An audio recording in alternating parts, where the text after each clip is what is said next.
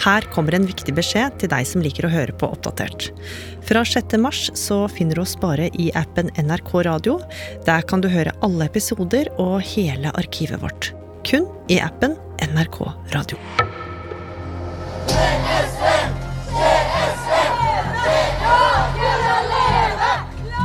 I dagevis har unge samer og miljøvernere lenka seg fast utafor regjeringskvartalet. Urfolksrett er ikke valgfritt, staten har ikke gjort en dritt. For de mener at det som skulle være en del av Norges grønne energieventyr, i stedet ødelegger for samenes livsgrunnlag og bryter menneskerettighetene. Vi kan ikke begynne å snakke om fremtida før du anerkjenner fortida, og før du anerkjenner det pågående menneskerettighetsbruddet som pågår akkurat nå. Det må ta slutt. Vi tåler ikke mer av det her. Det er slutt nå. Nå er det nok.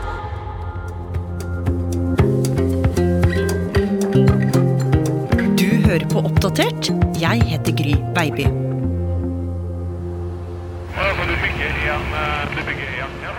Det er en våt septemberdag i 2012. I et helikopter sitter en mann med blå allværsjakke og øreklokker og ser utover et stort område av fjell og sjø på Fosen i Trøndelag. Til tross for regnet som pisker på ruta, ser mannen gull og grønne skoger. For han er nemlig olje- og energiminister Ola Borten Moe. Når han ser ut av vinduet, så ser han ikke bare Fosen. Han ser et område som han håper skal gjøre Norge ledende på vindkraft. Ingrid Lindgård Stranden, du er journalist her i NRK og har jobba med Fosen-saken lenge. Og hva var det som gjorde at olje- og energiministeren tok helikopterturen til akkurat denne delen av landet denne septemberdagen i 2012? Det grønne skiftet sto på trappene, og Norge hadde et sterkt ønske om å bli ledende på vindkraft. Og landet hadde forplikta seg til store internasjonale avtaler for å få ned utslippene. Ola Borten Moe ser potensialet i denne trøndelagsregionen, og det handler annet om at det er et stort og åpent landskap langs kysten, det er gode vindforhold, det er en hel del litt snaue fjellparti. Og Fosen kan bli det stedet man kan gjøre denne store nasjonale vindkraftsatsinga. Og det ville regjeringa få til ved å bygge vindmøller eller vindturbiner. De så for seg at de kunne bli en viktig fornybar og grønn energikilde, og sikre ikke bare strømeksport, men også strøm til flere tusen nordmenn. Og når Borten Moe lander i Oslo, så setter han i gang prosjektet med å få i gang Norges største vindpark på nettopp Fosen. Men Ingrid, langs kysten i Trøndelag så sitter det noen som er dypt bekymra over det de ser dresskledde kvinner og menn holde på med i regjeringskvartalet i hovedstaden. Ja, på Fosen så sitter seks samiske familier med en klump i magen. Helt siden før 1500-tallet så har jo de hatt rein og drevet med reindrift i de her fjellene på Fosen, og nå ser de det at det er en stor interesse fra omverdenen for å bygge ut for vindkraft i deres fjellområder, da. Den samiske befolkninga sier jo fra og gjør omverdenen oppmerksom på at fjellene er opptatt, og at dette ikke er områder som er tilgjengelige for utbygging, og at dette kommer i strid med det de holder på med. De frykter konsekvensene dette kan få for reindrifta de har holdt på med i generasjoner, og dette vil forstyrre reindrifta, sånn som de ser det. Men bønnen om å la det gigantiske beiteområdet være i fred, den skulle ikke bli hørt, Ingrid. Nei, for selv om regjeringa er helt klar over at det her vil ha negative konsekvenser for reindriftsnæringa, ut fra det reindriftsnæringa sjøl mener, så velger de å skjære igjennom. Det er en veldig stor enighet blant de aller fleste politiske partiene om at man skal gjøre denne store vindkraftsatsinga fordi man ønsker fornybar og grønn energi. Og de mener at vindkraftanleggene bør være på Fosen, fordi som Borten Moe hadde sett med egne øyne fra helikopterhøyde, så er det et fantastisk terreng på Fosen og gode vindforhold som kan gjøre Norge verdensledende på grønn energi. Og det at motstanderne nå opplever å ikke bli lytta til, hva gjør det med dem? I alle fall så opplever samene på Fosen at deres rett til å bruke området ikke er særlig verdt, da. Og samer i Norge har jo en historie hvor de har opplevd å bli overkjørt av staten tidligere. I 1978 vedtok Stortinget utbygging av et kontroversielt kraftverk i Alta-Kautokeino-vassdraget. Og det fikk både miljøvernere og samiske aktivister til å se rødt. De forenet seg og satte i gang en bølge av protester og aksjoner som varte i flere år. Dermed ble Alta-saken norgeshistoriens mest kjente miljøsak. Men mest av alt er Alta-saken et symbol på norske samers kamp for å bli anerkjent som en folkegruppe på lik linje med den etnisk norske majoriteten i landet. Men de har et håp. For de er overbevist om at vindkraftverkene vil få så store konsekvenser for reindrifta at det vil stride med loven. For hadde egentlig Ola Borten Moe grunnlag for å si at man kunne bygge de store vindturbinene akkurat der? Så i 2014 velger de å gå til rettssak mot selskapet som har fått oppdraget med å sette opp turbinene. De håper nå at retten vil slå fast at utbyggerne ikke hadde grunnlag for byggetillatelse. Men selv om saken har havna i retten, så har jo utbyggerne fått klarsignal til å sette i gang. Og mens saken går sin gang i rettssystemet, så begynner det å skje ting i det store naturområdet. På kveldstid på Fosen, der det tidligere var mørkt, når man kikka opp mot eh, fjellene, så kunne man nå se lyset fra gravemaskinene på, på Åskammene, og det blir mye byggeaktivitet i det som var inngrepsfri natur fram til nå. Synet av den storstilte utbygginga får de seks samiske familiene til å ta nok et grep for å prøve å stoppe det som nå er i ferd med å skje. De venta jo fortsatt eh, på hva som ville skje i lagmannsretten, så de ønsker å ta saken et steg videre. Og de klager saken inn til FNs rasediskrimineringskomité. Det gjør de da i et håp om at eh, FN kan hjelpe til å si at dette strider med rettighetene de har som mennesker generelt, og som urbefolkning spesielt. Og ikke lenge etter så får de en gledelig beskjed. De har demonstrert og protestert i flere år mot vindparken på Storøya, og nå har FN bedt Norge om en foreløpig stans i utbygginga. I 2018 så smeller jo nyheten inn om at FN eh, mener at eh, Norge er nødt til å stanse utbygginga de holder på med på Storheia og Roan. Da er mm, anleggsveiene eh, godt i gang med å bli bygd opp til fjellområdene der. FN eh, mener at utbygginga strider mot urbefolkninga sin rett til å utøve sin kultur, og de ber nå Norge om å sette prosjektet på vent inntil saken er avslutta i rettssystemet. Men selv om det sikkert var veldig godt å endelig bli hørt, så er det jo bare en fattig trøst for samene. Ja, fordi staten da ved Olje- og energidepartementet svarer jo FN det at eh, de eh, ikke stanser det her arbeidet, og at Norge har en eh, selvstendig rett til å selv bestemme hva som er riktig i denne saken. Og derfor, i 2020, åtte år etter Ola Borten Moes helikoptertur, er vindparkdrømmen realisert.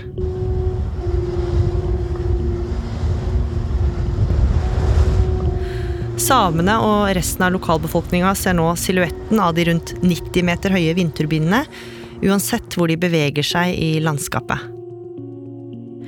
Og nå ser de at det de var bekymra for og advarte mot, er i ferd med å skje. Reindriftseierne hevder at reinen nå ikke eh, tør å gå inn i det her eh, fjellområdene som er utbygd for vindkraft. De eh, sier at reinsdyrene bl.a. blir skremt av rotorbladene, at anleggsveien er noen nye moment i landskapet som dyrene er ukomfortable med. Og samene mener beitene deres nå er så ødelagt at det ikke er forenlig med å kunne fortsette med rein i framtida. Omtrent samtidig kommer lagmannsretten fram til en dom i saken. De ber utbyggerne om å betale mange millioner i erstatning til reindriftssamene for tapene de har lidd som følge av vindturbinene. Men det her er et utfall som egentlig ingen er fornøyd med. Både reineierne og utbygger Fosen Vind anker dommen fra lagmannsretten til Høyesterett. Utbyggerne mener erstatningskravet var for høyt, mens samene på sin side mente at retten skulle slå fast at det staten hadde gjort, ikke var lov. Så begge parter anker. Og etter litt ventetid så kommer endelig dommen fra Høyesterett i 2021. Først skal det handle om den historiske seieren til samene.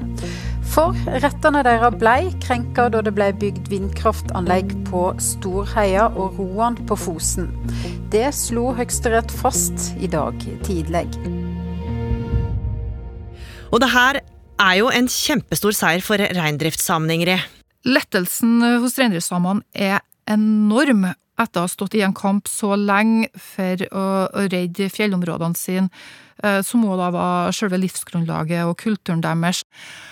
Sjokket var nok òg kjempestort for eh, Olje- og energidepartementet og for utbygger. Så mm, det, det var en, en høyesterettsdom som, eh, som gjorde inntrykk på, på begge parter på forskjellige vis.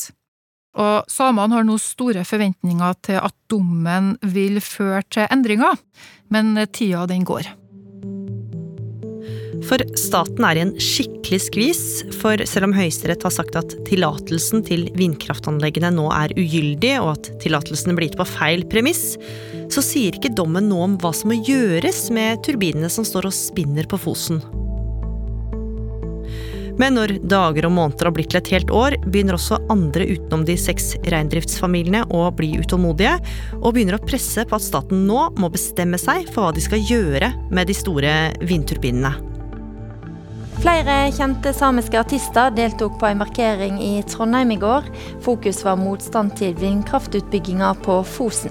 Biskopen i Nidaros retter kraftig kritikk mot regjeringens håndtering av vindkraftanleggene på Fosen. Samiske reineiere har krevd at vindmøllene må rives. De får støtte av biskopen, som mener regjeringen utfordrer rettsstaten. Nå kommer flere på banen og ønsker å gi saken oppmerksomhet. Biskopen i Nidaros går ut og sier at dette her er ikke bra for forholdet mellom urfolk og staten. Eh, hele kirka tar til orde for at det må bli en løsning i Fosen-saken. Amnesty står på samenes side. Og alt handler om at man ønsker å gi støtte til en sak hvor samene føler at de ikke blir tatt på alvor.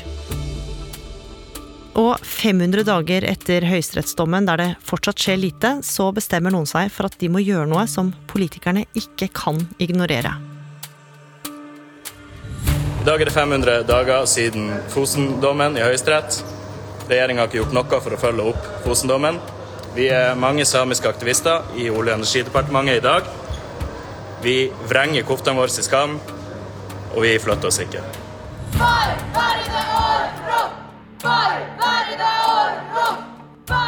Torsdag morgen den 23. februar tar samer og unge miljøvernere seg inn i lokalene til Olje- og energidepartementet. I dag er vi her med kravene om at vindturbinene på Fosen skal rives, og at landet skal tilbakeføres til Fosen-samene, som har kjempet denne kampen mot vindindustrien og staten i rundt ti år. De rundt 16 aksjonistene har med seg store bannere med slagord, det samiske flagget og tradisjonelle samekofter er snudd på vrangen som et symbol på protest. Og det her er jo bare starten, for inne i departementet skulle de bli værende i flere dager. I kveld kom sametingspresidenten for å vise sin solidaritet til de unge samiske aktivistene i Olje- og energidepartementet. Jeg bekymrer meg fordi vi har en situasjon der unge mennesker føler at de må ta ansvar for en så alvorlig sak.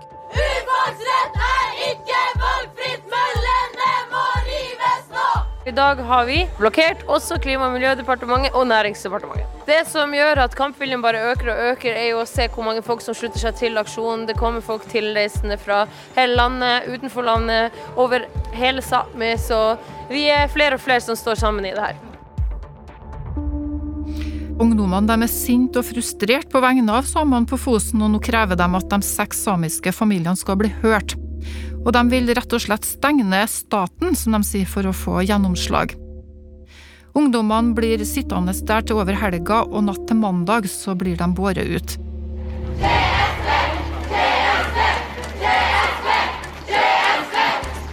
Det er en sterk kampvilje der, fordi de lar seg ikke stoppe og kommer tilbake igjen gang på gang, og noen lenker seg fast. Og nå får de til og med støtte fra den kjente svenske klimaaktivisten Greta Thunberg. Eh, Vi kan ikke ha en holdbar klimaomstilling på bekostnad av urfolk, Da er det ikke klimaträttvisa. Og siden har aktivister blokkert og lenka seg fast foran flere departementer. Folk fra hele verden har kommet for å vise støtte til de seks samiske familiene. Det hele virker rimelig fastlåst. Mona Solbakk, du er politisk kommentator i NRK Sápmi.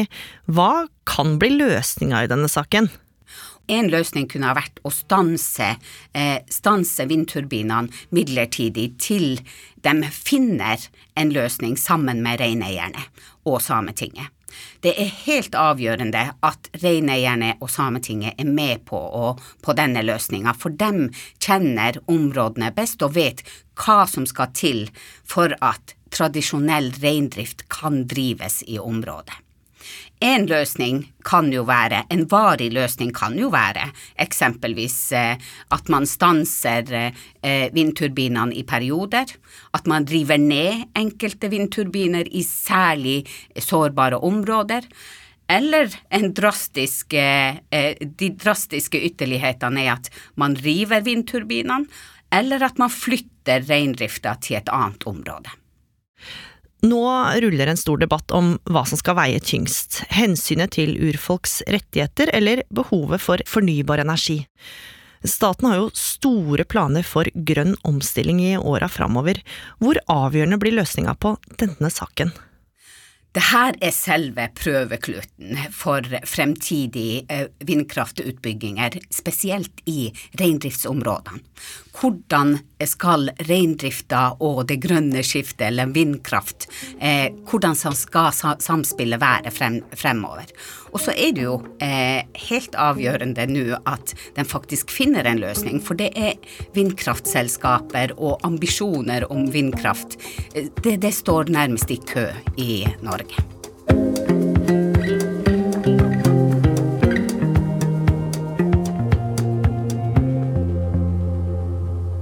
Oppdatert er en podkast fra NRK Nyheter, og denne episoden den ble laga av oss.